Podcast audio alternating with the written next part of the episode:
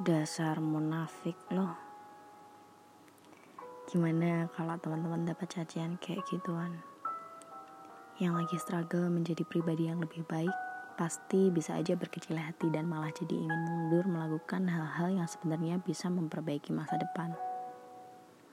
Saya ingat sekali saat awal SMA diperhadapkan dengan keadaan yang mengubahkan saya.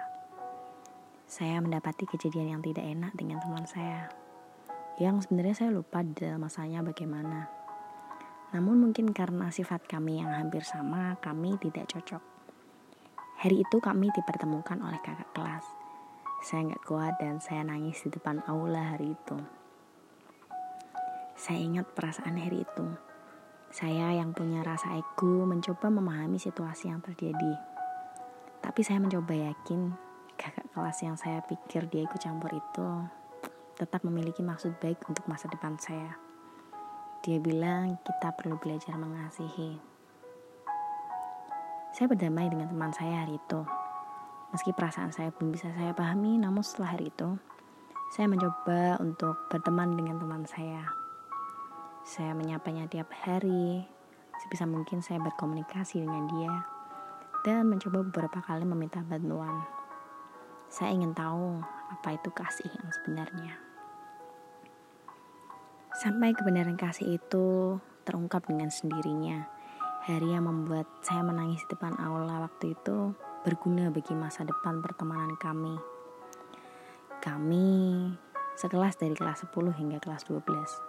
Kami persekutuan bersama, juga pelayanan bersama. Jika saya butuh tappingan untuk pulang, dia bersedia memberi tumpangan kepada saya.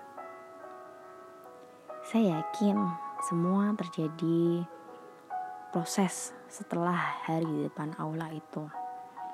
Awalnya memang menyakitkan karena saya harus mengorbankan ego saya untuk menyapa dan berteman dengan dia hari ke hari. Apakah saya munafik? Sampai hari ini saya tidak tahu. Tuhan tetap yang menilai saya, bukan kamu atau mereka.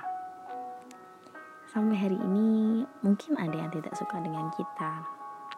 Mereka akan membuat dan memutarbalikkan apa pun sehingga mereka dapat memuaskan kebencian mereka terhadap kita. Tapi kita tetap dapat terus membalas mereka dengan kasih. Sesungguhnya untuk menempuh jalan ini, kita bisa aja mengeluarkan segala fakta dan kebenaran yang ada tentang mereka untuk menjatuhkan, menyakiti, bahkan bisa menghancurkan mereka. Tapi kita juga dapat memilih untuk tidak memperkeruh keadaan dan terus belajar mengasihi tanpa harus menyakiti dengan fakta.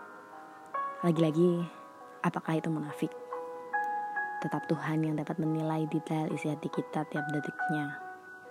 Tidak perlu khawatir dikata munafik.